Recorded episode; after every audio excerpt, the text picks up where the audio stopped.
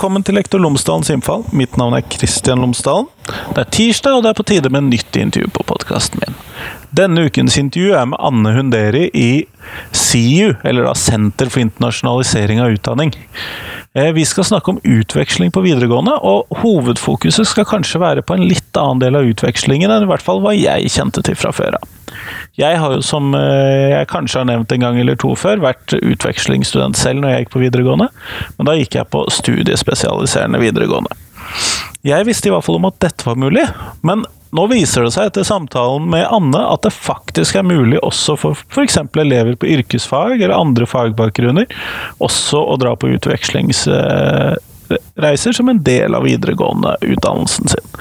Vi snakker også om Lycéen i Frankrike, og vi snakker om UWC-skolene, som vi har vært innom før i denne podkasten. Her får du intervjuet, vær så god.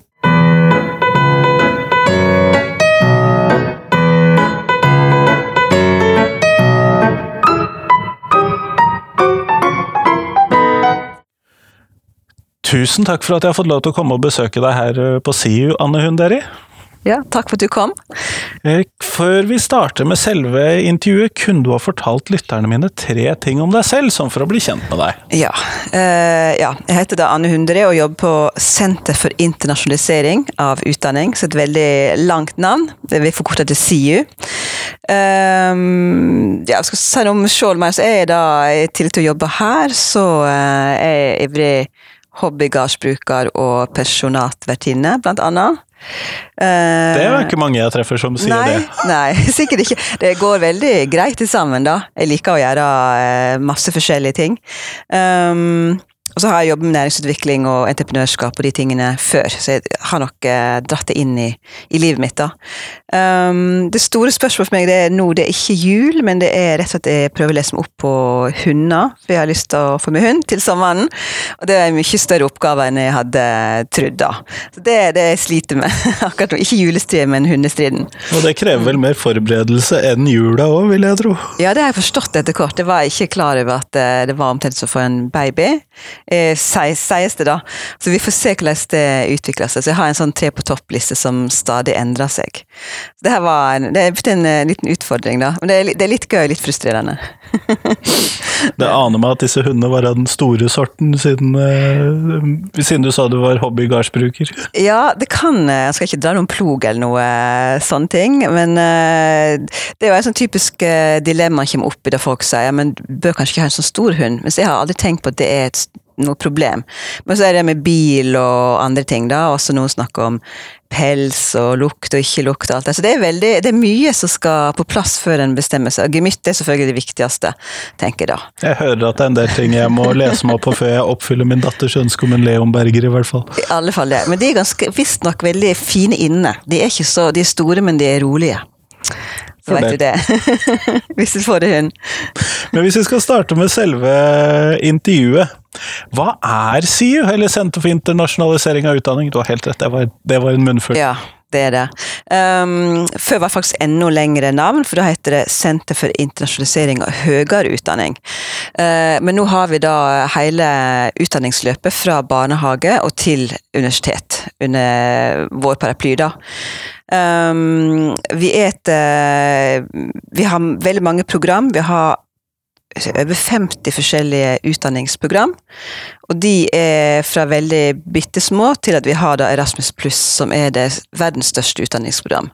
Som vi da har i forhold til at vi har en EØS-avtale, og vi har på en måte kjøpt oss inn og får noe tilbake i det, da. Og det er vel, vel fem millioner som har vært innom det programmet i Europa i løpet av de siste 30 årene, da. Så det er veldig stort. Arbeidsplassen min er en av disse. Ja, sant. Det, det, jeg møter veldig mange, men det kunne også vært enda flere som eh, deltok. Har du vært sjøl på Nei, Nei. Har, det er eh, norsk og realfag, tror jeg, som stort sett. Ja, for det er oppe for eh, alle yrkesfag og studieforberedende og barnehager og alt, så det er store muligheter. Så gøy. Ja, det er det. Det bør man nesten vurdere å se mer på. Eh, men du sa det at dere driver programmer helt fra barnehagen av, og det mm. hadde jeg egentlig ikke tenkt å snakke om, men Fins det faktisk utvekslingsprogrammer eller sånne ting for barnehage også? Det, det, det fins, men eh, eh, ofte er det ikke barnehageungene som reiser, men det er de som er barnehagelærere.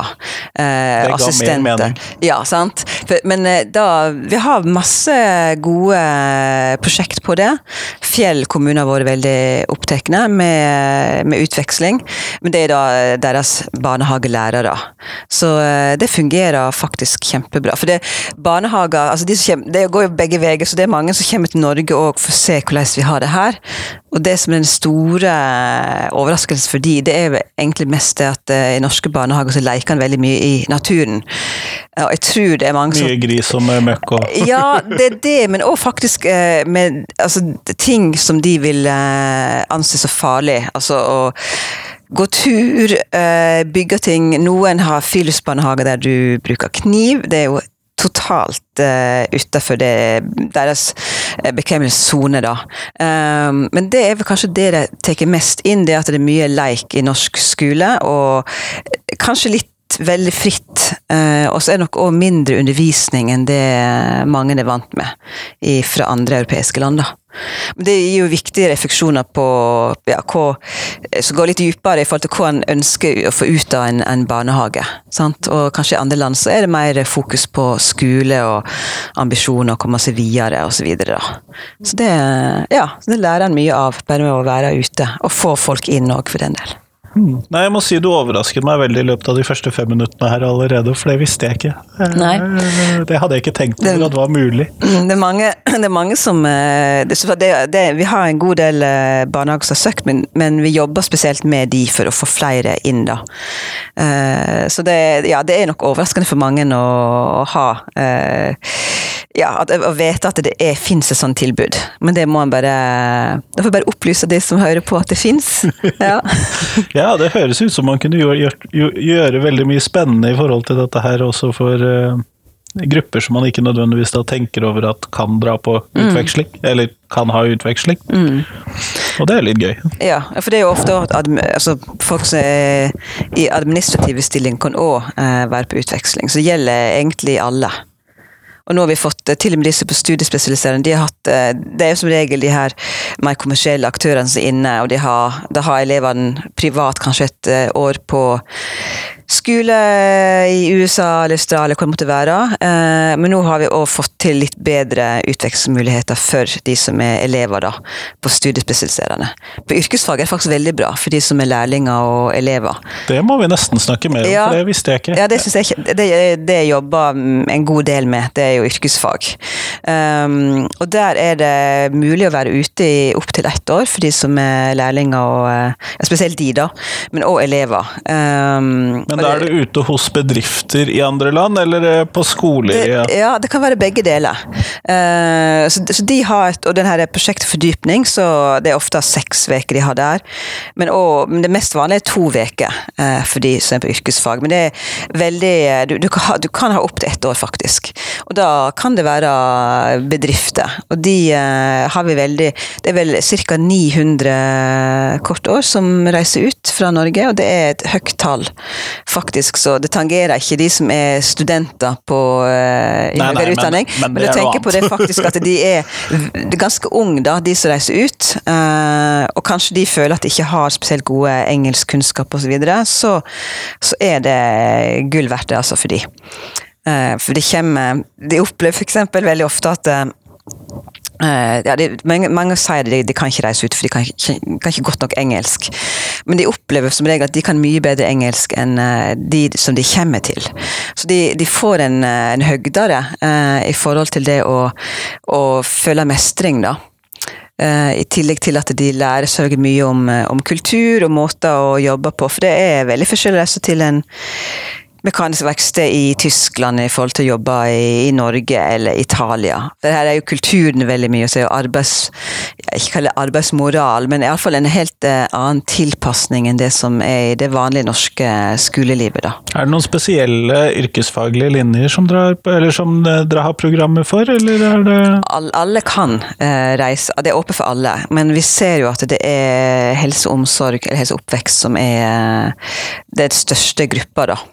Det er det. Så det er mest jenter som reiser ut, og det er det innenfor alle Ja, for det ser man eh, vel på de tradisjonelle utvekslingsorganisasjonene også. Ja, det er absolutt det er sånn hele veien. Så der, eh, Vi skal ta en sånn brukerundersøkelse og finne ut litt mer om hvorfor det er sånn. Eh, Men ofte kjenner altså Gutter kan vel ha en tendens til å være mer trygghetsfulle søkende på et eller annet vis, eller de har det greit som de har det. Men vi ser det gjennomgående på alle nivå at her er det jenter og kvinner da, som reiser, reiser ut. Altså. Ja, for på et eller annet tidspunkt her så skifter de over til å være kvinner. Ja, det gjør det. Absolutt. Og unge, unge kvinner. Uh, nei, så det er, det er de som reiser, og uh, selv om vi har uh, masse gutter, så er det kanskje en sånn fordeling på Jeg vil, jeg vil anta, hvis jeg er helt sånn flatt over alle nivå, så vil jeg si at det er antageligvis sånn 70-30 eh, i prosent, da. Så her har vi litt å gå på. Så vi må finne ut eh, hva som kan gjøre at eh, flere gutter har lyst til å reise ut. Rett og slett. Mm, Jeg kjenner meg igjen i det 70-30-tallet. Min bakgrunn er fra AFS som utvekslingsstudent. På studiespesialiserende utenom å dra, ta friår, selvfølgelig. Ja. Eh, En gang i tiden, for lenge siden. Ja. Eh, Men jeg kjenner igjen tallene fra søkere og sånn totalt sett, så det overrasker meg ikke. Men du sier altså at disse yrkesfaglige elevene kan som en del av da eh, yrkesfaglig fordypningsfaget, eller som en del av læretiden, være i eh, fra relativt korte opphold i utlandet til å ta et ganske langt opphold Ja. Men hvem er det som da finansierer det oppholdet ute? Det er vi som gjør det. Altså det er slik at uh, En kan ikke søke Vi har noen uh, program, få program som vi rekrutterer direkte. Det er franske lyceer, det er United World Colleges uh, og et par til, så enda mindre program. Det er direkte rekruttering. Men den vanlige måten er at barnehager og skoler søker direkte til oss for sine elever, lærlinger osv. Og, så videre, og lærere. lærere. Så um, ja, så det, det er den måten vi jobber på. Da, I forhold til hvem som betaler, så får en da eh, lånekassepenger, og så får han stipend av oss. Og tror noen har, Vi har gjort eh, undersøkelser på det her, og vi har den beste eh, beste altså studiestøtten i hele Europa. Ja, det Eh, overrasker meg jo ikke. Nei, sant? sånn er det å være eh, norsk i Norge. Det er, vi har det veldig godt, og vi, derfor er det store muligheter. For det er mange som reiser ut, de, de har ikke de gode ordningene som vi har. Altså. Så det er ikke, økonomien er iallfall ikke en grunn til å ikke å velge å reise ut. Så det, det fungerer kjempebra. Og det går av seg sjøl òg, i forhold til at eh, skolene får utbetalt penger eh, fra oss, og alt, alt blir bare ordna fint, og veldig mange skoler har gode ja, vi kan kalle det introduksjonsprogram, der de får språkkurs, og de lærer litt om, eh, om kulturen de skal reise til, osv. Så, videre. så det, det skulle ikke være noe farlig å reise ut, sånn som eh, jeg ser det da. Det hørtes ut som uh, Det er i hvert fall et program jeg aldri har hørt om før. Eh, og det gjør det jo selvfølgelig uh, fint at hvis man kan klare Hvis jeg kan klare å bruke podkasten til å spre litt informasjon om det, for jeg har jo aldri Som yrkesfaglærer selv, Ja, så, så er jo det spennende å Ja. tenke på, i hvert fall ja. muligheten. Men det er jo interessant. Men du har også snakket om at dere har Fordi at, at dere har da flere programmer, eller bedre programmer, Mm. for de elevene på de studiespesialiserende linjene? Ja, fordi eh, vi har jo de eh, litt mindre programmene som er litt mer spesialisert, som er United World Colleges og de franske lyseene. Der har vi 100-årsjubileum i eh, neste år. Det betyr at vi, det har vært norske elever på franske videregående skoler i, i 100 år. Så det er en veldig lang tradisjon. Det er en god tradisjon. Ja, det er det. Men vi sliter jo veldig med å rekruttere um, elever til ikke-engelske skoler, da. Uh, så både Vi har også tyske program. Uh, for yrkes, uh, yrkesfag har et eget program. Uh, så kjempebra til Tyskland. Eh, men men eh, norske ungdommer velger vekk eh, tysk og fransk veldig mye. Så det er en viss, jeg tror det er en viss økning nå på tysk. Um, så det, det er jo litt, litt dumt, da. Men vi må på en måte bare jobbe for at de kan velgere og vet om uh, om at det finnes. Da. Og spesielt at det, som sagt, yrkesfag uh, har veldig gode tilbud allerede. Som jeg nevnte nå, gjør det som er mot Tyskland, og så har vi Erasmus pluss-programmet som går generelt mot alle yrkesfag. Uh, men for de som jobb, er på studiespesialiserende, så har det vært ofte som en del av større sånn samarbeidsprosjekt som kanskje lærere er involvert i, der du sjekker ut kanskje nye eh, metoder. Og da, da, da, kan elevene få komme seg ut litt grann, og reise og oppleve eh, nye land og kulturer. Men det er et lite omfang. Men fra i eh, neste år så har vi har introdusert eh, noen enklere program for de som er på eh, studiespesialiserende, der det er utveksling som er og Vi kaller det for fint da, mobilitet, som er fokus. um, så de har, de har nå eh, mye, Det er mye enklere for skolene å søke for elevene sine. Så det må jeg bare oppmode de som hører på, at uh, de kan undersøke den saken. For det er en, en god måte å komme inn i programmet på, da. Det er det. Eh, sånn, det forenkler rett og slett søknad òg. Ja, det kan jo være en fordel. Mm. Um, hvordan er eh, utvekslingstallene på videregående? Ser, dere, ser dere noen tendenser? Går det opp, går det ned? Blir det Det er, det er noe ganske jevnt, og vi, vi har jo eh, vi, godkjenner òg, sånn som AFS, de som driver med utvekslingsprogram, som kommersielle aktører, da. For de må oppfylle en del kvalitetskrav. og Det har jo vært litt eh, oppslag i avisene, det var vel eh, ett og et halvt år siden, med noen som hadde hatt eh, litt uheldige erfaringer òg med å være ute. Ja, det husker jeg. Ja, så det var ikke noe, var ikke noe greit. Men vi har en, en, sånn stor Det var en stor brukerundersøkelse blant elever, så det var ett og et halvt år siden. Og altså 95% av de som har vært ute, de anbefaler det til andre, så det er et veldig, veldig høyt tall.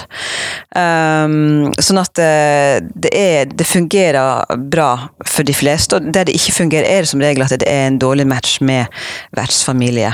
Uh, ikke, det, det, fungerer uansett ikke. Og det er nesten kanskje helt umulig med de 5 det, at det skal bli 100 at folk er kjempefornøyd. Men, men som regel så handler det om at det er en dårlig vertsfamilie som ikke tilfredsstiller de kravene som eh, de skal gjøre å ha, da. Så, så det eh, Som sagt, så, så er det men, men, igjen, vi så på, eh, på de som reiste ut, så er det, det er jenter fra, fra, fra bemidla familier, og der foreldre enten har vært på utveksling sjøl, eller har um, ja, har iallfall ja, har høy utdanning, da. Eh, det er de to, eh, eller tre tingene som er gjennomgående for de vi ser. Og da har vi sett da på både våre egne program, men òg på de kommersielle aktørene. Um, sier, Relativt snever gruppe, da. Ja, på mange måter så er det det. Og det er jo på en måte iallfall mitt hjertebarn at, at det her skal være et program for, for alle. Men det går jo veldig mye på uh, på eh, rollemodeller, ikke sant. At det er lettere selvfølgelig når du ser folk rundt deg at de gjør og så tenker jeg, da kan jeg gjøre det òg. Jeg jobber ikke bare med yrkesfag, men jobber også med United World Colleges, som er et veldig flott program der det er ja, sånn mini-FN, der eh, elever tar det da på studiespesifiserende, de tar VG2 og 3 eh, ute. Eh, på det er 17 forskjellige skoler i hele verden, og der det er i gjennomsnitt 90 nasjonaliteter som eh, er. Og de rekrutterer vi eh, direkte, men det ser vi òg at eh, de fleste, vi spør de hvor de får høre om eh, UWC, så er det gjennom venner, det er gjennom eh, familie som har vært skjoldet. Eh, det er kanskje arbeidskollegaer til mamma eller pappa. Eh, så vi ser det veldig tydelig at, at den helt personlige erfaringen en har, gjør at du velger å reise ut.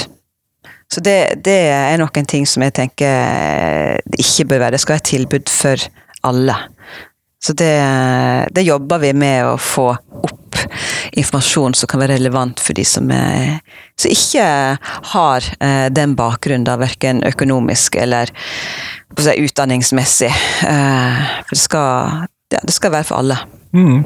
Og jeg, man har jo alltids noen fordommer, og når, hvis man tenker på et distriktsmiljø hvor det er veldig vanlig å ha da en yrkesfaglig, ikke-akademisk bakgrunn, og hvor, man, eh, hvor det er liten tradisjon for den typen utveksling og akademiske utvekslinger, så kan jeg jo se for meg at det, det skal litt til før du begynner å tenke på Ja. at dette er en mulighet, at dette faktisk går an. Og da er det jo positivt med at dere da har en tydeligvis en del sånne yrkesfaglige programmer som ja. videregående skolen i hvert fall kan benytte seg av og peke ut for elevene. Ja, og de, og de eh, for yrkesfag så er, det, så er jo faktisk tallet ganske høye. Det her, det her er jo offentlig program. Det er selvfølgelig veldig mange som reiser ut på de kommersielle eh, aktørene, da. Det er det. Men jeg tenker litt på det du sier sjøl, òg, for egen del så hadde jeg heller ingen jeg har studert eh, sju år i USA, men det er på høyere, høyere utdanning, da. Men min eksponering til eh, det som du kan kalle eh, mobilitet eller utveksling, det er jo egentlig at jeg er oppvokst på en gard eh, innst i Sognefjorden. Og der hadde vi, eh, da hadde vi Min far hadde sau, så vi hadde skotter, irer, australiere, New Zealand som kom hver høst og kløpte sau. Ja, nettopp. Ja, og de, de var jo på en sånn uh, rundtur der det var eh, sommer uh, eller høst hos oss. Så var det jo uh, vinterstid der nede, ikke sant. Så da, da de, de, de, var, de reiste rundt, rett og slett, uh, og jobba i årevis. Omflakkende saueklippere, rett og slett. ja, det var. Og de, det fikk jeg min sånn At det gikk an ikke sant, å leve et sånt liv. Det var kjempespennende for noen som ikke opplevde veldig mye av det. Og jeg hadde ikke noen eh, sånn spesielt bakgrunn med akademiske foreldre eller eh, økonomi, men jeg ble veldig jeg syns det var kjempefascinerende å, eh, å se det. Så det, det, det tror jeg nok bidro til at Skjold ble veldig sånn opptatt av det som var utafor. Nå abonnerte jeg på Newsweek og jeg var tolv år, eh, av en eller annen grunn. Så jeg har nok sikkert vært litt sånn, eh, sånn vendt utover av en eller annen grunn, som er oppvoksen i en sånn trang fjord, da. Men, men eh, det går òg an for eh, andre å komme seg ut enn akkurat de som man ser føre, som er det, det vanlige som reiser, da. Det, det er, og nå er jo på en måte Verden er jo blitt eh, mye mer global. Du, det har jo med sosiale medier å gjøre, ikke sant? Kan, vi hadde jo NRK, eh, den eneste kanalen, og det er jo smalt hvor du får, får servert da for ja, 40 år siden. Eh, men for de som er ute nå, så får du verden inn. Eh, så det skulle jo spore til at den, det å, å bevege seg eh, fysisk ut er veldig spennende oppleve det på kroppen, da, tenker jeg. Det, men vi opplevde da jeg, jeg også intervjua de her 17-åringene som skal søke på eh, United World College, så har jeg opplevd eh, ungdom som kanskje snakker bedre engelsk enn norsk, nesten. Og det er fordi de har vært De, de har det her spillsamfunnet der de kommuniserer på, eh, på data. Og de eh, er kjempeoppdatert på ja, russisk politikk, for eksempel. Ikke sant? For de har de der eh, Jeg håper å si, det, det er jo ja, det er internasjonalisering, det jo på eh, ja, gutta mest, da, på gutterommet. Eh, og de får veldig mye ut av det. Eh, og det er òg en, en, en form for internasjonalisering, da. Eh, så jeg syns det er fin. Eh, men det er ikke det samme som å være ute og bli totalt inne i en, eh, en annen kultur. For det er jo det som er kjempefint. Og da må jeg òg legge til det som jeg ikke var klar over sjøl da jeg eh, har vært ute, men det er jo at de som er ute, de de får jo en, en eh, innsyn i en, en annen land og et annet kultur og et annet språk, men eh, jeg tror refleksjonen fra å være ute til å komme tilbake til Norge, så kan du se Norge på, på en helt annen måte enn du gjør eh, da du, er, da du Det er en del selvfølgeligheter som eh, Ja, og det er en del, praksis som du tenker som du tar for gitt. Eh, som du får en skikkelig aha-opplevelse og kommer tilbake. Eh, og det er kjempemange historier om ja, eh, eksempel i, i helse og oppvekst der de har ja, vært unge jenter som har vært kanskje en måned, to måneder i Hellas, der de har veldig lite teknisk hjelpemiddel veldig få som, eh, som jobber, eh, for de har ikke den økonomien som vi har i Norge. eh, der de ser at det faktisk fungerer likevel, uten de her tekniske hjelpemidlene, uten at det er veldig mange. Og da, ja, for eksempel at de, de eldre, de som er litt mer oppegående, de hjelper de andre med å spise.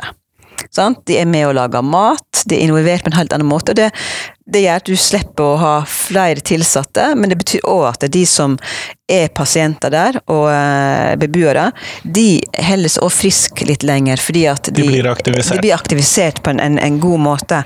Og da å komme tilbake til Norge og, og så se at uh, vi har uh, de mulighetene vi har, og kanskje ikke nytte oss av det, det er en skikkelig øyeåpner for, for mange, da, og det har de reflektert veldig på. Og de sier at de, de skal aldri, aldri klage. For de ser, ser, faktisk mulighetene vi har, og det er veldig bra.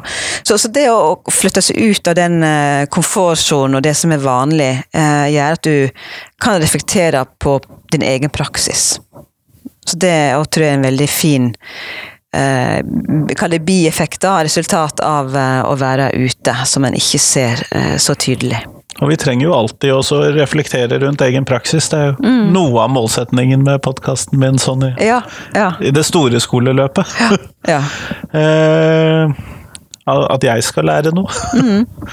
eh, men hvis vi da ser på disse programmene, er det noen utfordringer vi ser i forhold til for disse som da reiser ut på yrkesfag på videregående? Uh, det er jo egentlig ikke det. Uh, det som er viktig, er jo at en, en eh, skolen som, som sender de ut, at de har en god intro på det, sånn at de får vite litt om hvor de skal, hvem de skal jobbe med, hva som er forventningene. De lærer litt språk, hvis det er et annet språk enn engelsk. Eh, så er de godt forberedt. og der, der eh, Vi har eh, ganske mange fra fylkeskommunen som har noe som heter charter, der de er forhåndsgodkjent. og De har veldig gode eh, måter å legge opp løpet på da, for de som skal ut. og Som regel så er jo det her De de samarbeider om det er skole eller bedrifter, de de har de samarbeidet med gjennom mange år. Sånn at de er godt forberedt. Det er jo jeg synes er veldig bra som mange praktiserer. Det, det her går litt på den rekrutteringen som vi snakka om. Uh, det er at de uh, de som reiser ut, må ikke nødvendigvis ha toppkarakterer, og helt tatt, men det er så viktig det at de, de, de møter opp i skolehverdagen sin, at de er interessert. Um, og det er egentlig det som de har satt som eh, et Det må skrive et motivasjonsbrev og sånne ting. Men det er motivert, at de møter opp, det er faktisk det som er, er grunnlaget for å velge de ut.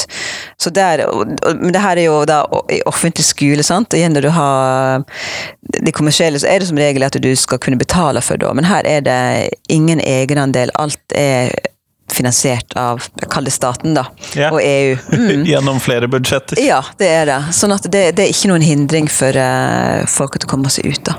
Nettopp. Mm. Uh, ja, for man må jo være motivert. Du kan jo ikke bli sendt til si, Portugal, og så skal du uh, Så må mor ringe og vekke dem om morgenen og Det er helt riktig. Det, og, men de, de, fleste har da med seg uh, en lærer første etter to uker, alt etter hvor lenge du er. Men hvis det er kortere opphold, så er det um, Da er lærerne med hele tiden. Det, men er det lengre, så uh, må de klare seg alene litt på slutten. Men det, det vokser de på. Det, og det, er veldig få tilbakemeldinger vi har fått at det ikke har fungert. Og skulle det ikke fungere, så går det an å, å reise hjem igjen. Men uh, som regel så er det veldig bra gjennomføring på det. Og de som vi snakker med, de sier at uh, for de som er litt i det med å med forhold til frafallsproblematikken, da, så sier det at de mener at de som har vært på sånne opphold, de eh, høgder den muligheten for å komme seg gjennom utdanningsløpet ganske mange prosent.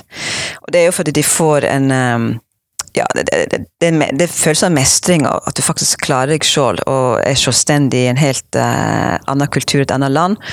Det gjør noe med deg. Sånn at de, de vokser flere, altså flere, centimeter, de som må ute, og klarer seg alene. Det er det. Og det er jo aldri en negativ ting. Nei, nei det, det, det, det, er faktisk eh, det er iallfall den gleden jeg ser uh, med å jobbe med Kanskje jeg er ikke direkte ute i felten, men uh, å snakke med de elevene da, og de treffer de, det er største motivasjonen min, iallfall. Se at de, de virkelig har vokst, og de er kjempestolte. og ja, de, de, de, har en glede av å ha mestra noe som er kanskje mange ville sagt var vanskelig eller farlig, eller Ja, det er iallfall utenfor deres komfortsone. Så det er Det syns jeg er utrolig flott. Det skjønner jeg. Er det noen krav til oppfølgingen etterpå fra de videregående skolene til eh, de som Nei, Det er jo det at en, en eh, skal kunne fortsette løpet sitt. Det skal ikke være en kostnad i forhold til at du skal ta opp i en fag. Så det, det er jo det å tilpasse det du har lært, eh, altså læringsutbytte, da du kommer tilbake. Det skal egentlig være selvfølgelig før de reiser ut. Så det Men de har Altså mange fortsetter jo, de har jo fått venner da de er på opphold, så de fortsetter på Facebook eller andre, på andre måter ha kontakten med de de har møtt. Og det å gjøre at den der eh, opplevelsen av læring kan, kan, fortsette utover oppholdet som de faktisk har hatt der. da. Mange reiser tilbake. sant? Du har noe, Jeg vet ikke om du har vært tilbake? du har vært AFS Jeg skrev masteroppgaven min om eh, politiske situasjonen i Honduras. sånn ja. at eh, ja. Jeg var tilbake på feltarbeid. ja, du, ja, sant. Og det, det, tror jeg at eh, det preger Altså, det er der og da, på oppholdet, som, som gir veldig mye. For det jeg må si, sjokkarta selvfølgelig for mange, nå, men, men, men, eh, det gjør noe med deg, og det, det har du det har du med deg kanskje hele livet. Uh, vi, har noe, vi har altså en vi kaller det IKG. Uh, det er internasjonaliseringskonferansen for grunnutdanningen. Det vi har tre år nå. Da hadde vi, første året hadde vi en svensk forsker, og hun de hun hadde, hun hadde eh, intervjua eh, ungdom, da, de var voksne etter kort, eh, som hadde vært på utveksling. Eh, for å finne ut om det var noen ja, ja, etter, etter det var ute, om det liksom, hvor lenge varte det her, og, og ga det noe resultat utover at det hadde vært de her ukene. Eh, hun sa veldig tydelig at eh, det hadde Det endra virkelig eh, folk har vært ute. Og det går jo mer på den her For faglig sett så kan det klart du kan få veldig mye ut av å være i Norge og gå gjennom det vanlige løpet, eh, men det er jo den der mer dannelsen og Eh, eksempel her med eh, for vi hadde, Før i gamle dager så hadde vi jo dannelsereisen. ikke sant? Det var en del av det å skulle bli voksen og ansvarlig og Borgerlig. Borgerlig, ikke minst.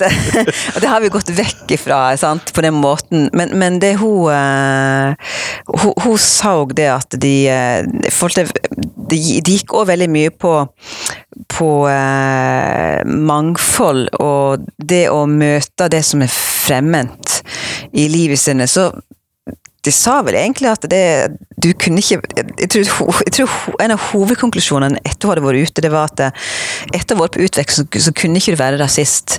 Det, det sa hun. Um, så jeg husker veldig godt da. Uh, sånn at det har noe mer enn effekt utover det å være uh, og få det faglige påfyllet som gjør noe med deg som menneske å være ute. Blir rett og slett kjent med noe annet enn alt det du er vant til hjemmefra? Ja, du blir, du blir kjent med deg sjøl. Det tror jeg er viktig å ta med seg på, på et annet vis. Det vil selvfølgelig den, uh, den effekten vil jo være enda større lenger du er ute. Men, men en ser òg av, av, den undersøkelsen vi gjorde, det at de som har vært ute en gang, de uh, reiser fort ut igjen. Det er selvfølgelig ofte de som er på uh, som da tar høyere utdanning etterpå. Og da reiser på utveksling hver eneste gang de kan? De får muligheten, sant? og da er jo Rasmus pluss, ikke sant, eh, en god eh, For det er det veldig mange som er ute på der de tar bachelor eller masteren sin. Det er ganske høye tall der. Eh, men, men de òg, i forhold til det med å ha en internasjonal tilværelse, at du ser at det er et jobbmarked òg der ute. Hvis du vil gjøre noe helt spesielt, så reiser du kanskje til London for å ta designerutdanning, eller skal du bli kjempeflink på et eller annet Frankrike med økonomi, masteren sin. Altså det er USA USA det ligger langt framme på mange ting. Så får du en sånn spore til at du ser at ja, det er mulig for meg å, å, gjøre ting på en annen måte. Så da kan jeg velge det. Men igjen, da, sånn, da kan det bli en forskjell på de som har fått muligheten til å reise ut. Og da må det, man sørge for at den er hva skal vi kalle det, demokratisk tilgjengelig. Ja, det, det, ja, det er veldig, veldig viktig. Eh, Når vi nå skal ta oss og runde av podkasten, så har jeg selvfølgelig det siste spørsmålet mitt, som jeg gir til alle. Og det er hva ville du gjort hvis du var norsk skolediktator? Altså hvis du fikk muligheten til å forandre noe i norsk skole og hadde fritt mandat og fritt budsjett. Ja, og Det er så et vanskelig spørsmål, for det jeg har litt problemer med diktatortittelen. da. Mange har det. Eh, Ja, det, det skjønner jeg godt.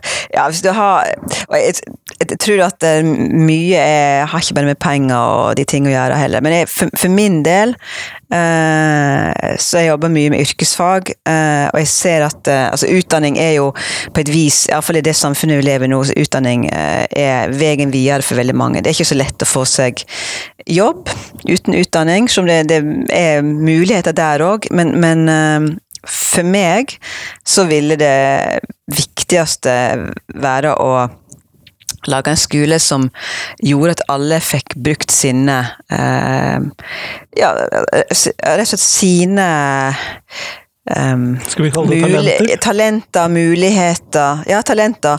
Eh, godt ord. Um, og ikke felle fra. For vi har en, iallfall i forhold til yrkesfag, så er Nå går vi gjennom yrkesfaget, og det er vel ferdig til jul, tror jeg, med å lage en ny struktur, eller forslag til struktur. Ja. Så det er jeg veldig spent på, men, men eh, jeg tenker vel kanskje at eh, yrkesskole er blitt veldig eh, ja, teoretisk, da, eh, og at eh, vi må passe på alle de som ikke er så teoretiske òg. Sånn, jeg ville jo Jeg ville nok ha laga løp som var mer praktiske for de som velger yrkesfag. Um, helt sånn spesifikt Jeg sleit vel kanskje ikke så mye med matte, men jeg tenker jo at eksempel matteundervisning at en burde ha eh, hatt forskjellige løp. Jeg, jeg tenker at eh, funksjoner og sånne ting eh, i, i mitt liv har ikke vært veldig viktig. Eh, og for de som er på yrkesfag, at du skal lære kanskje ting som ikke er så viktig eh, for deg. Du skal lære grunnleggende, eh, men at eh, en eh, jeg, har, jeg tror jeg leste at eh, 60-70 av alle altså alle nordmenn, voksne nordmenn, de har, de har matteskrekk. Og sånn skal ikke det være. Men at vi, vi skal læres å håndtere budsjett skikkelig, og all den basicen, det, det må vi bare få til. Men å, å lære masse ting som du egentlig ikke trenger etterpå, det tenker jeg kanskje ikke så nødvendig. Så det er kanskje noe av det jeg ville endre. Men, men det som er viktig, det er å få det praktisk eh, basert. Um, og at en ikke får så mye frafall som en har i dag. For detter du fra, at du ikke føler at eh, du henger med, så igjen da, det gjør jo noe med deg. Eh, og det er ikke noe bra for Norge som, eh, som samfunn heller. Så er det å snakke spesifikt om hva skal til i forhold til det, det er jo en veldig stort spørsmål, ikke sant? Men jeg skulle jeg være diktatoren Anne, så, så ville jeg gått inn på og sett på hva som fungerer for, eh, for ungdommen, for å komme seg gjennom skolen og skal trives der. Og det skal være en, en god plass å være for de, de årene de går på skole. Så de kommer ut som gode og frie personer som kan få seg en jobb og et godt liv. Det er det jeg er viktig. Det høres bra ut. Tusen takk for at jeg har fått lov til å komme og prate med deg. Ja, takk for at jeg fikk uh, legge ut om, om skole og utveksling, og jeg håper de som hører på at de uh, har fått noen ideer, i alle fall. For både seg sjøl og andre.